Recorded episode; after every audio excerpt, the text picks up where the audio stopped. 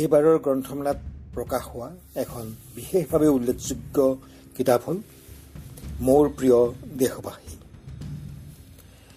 ভাৰতৰ মাননীয় প্ৰধানমন্ত্ৰী নৰেন্দ্ৰ মোদীৰ এটা জনপ্ৰিয় অনাতাৰ অনুষ্ঠান মন কী বাত।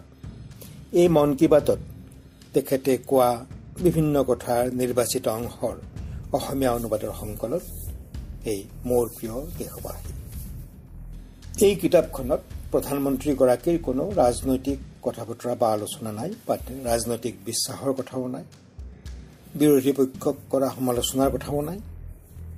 চৰকাৰী নীতি নিয়ম বা চৰকাৰী যিবিলাক বিজ্ঞপ্তি তাৰ প্ৰচাৰৰো বিশেষ আয়োজন বা আড়ম্বৰ নাই।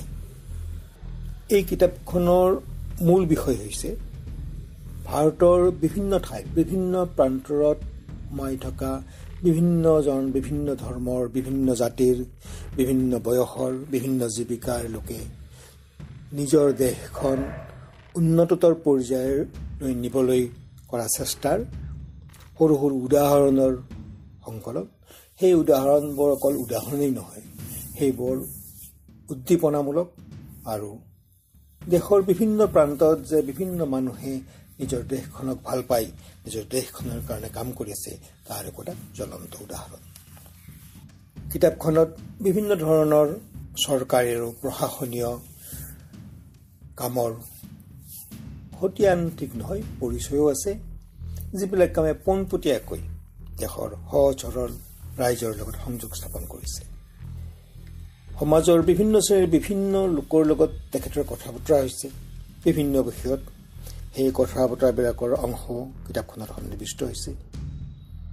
এই আটাইবোৰ কথাৰ সংমিশ্ৰণে কিতাপখনক বৰ্তমান ভাৰতৰ ভিতৰুৱা অঞ্চলবিলাকৰ বিকাশৰ মানসিক ছবি বিকাশৰ যিসকল হোতা তেওঁলোকৰ বিকাশ পূজাৰ পুৰোহিত তেখেতসকলৰ অন্তৰংগ অংশগ্ৰহণৰ দলিল এই কথাবিলাক যিমানেই প্ৰচাৰ হয় সাধাৰণ ৰাইজ সিমানেই বেছিকৈ উপকৃত হ'ব উজ্জীৱিত হ'ব নিজৰ দেশখনৰ কাৰণে কাম কৰিবলৈ।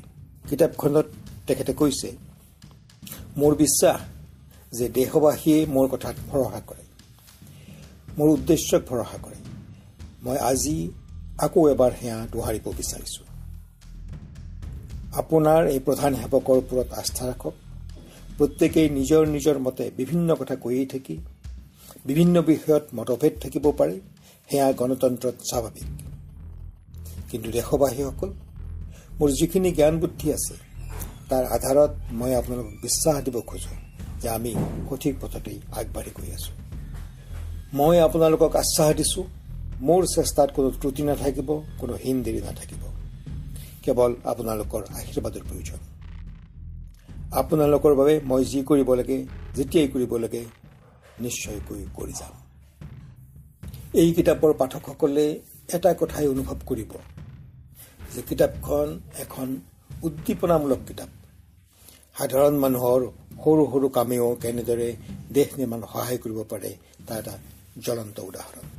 এনেধৰণৰ কিতাপ আগতে প্ৰকাশ পোৱা আমাৰ চকুত পৰা নাই।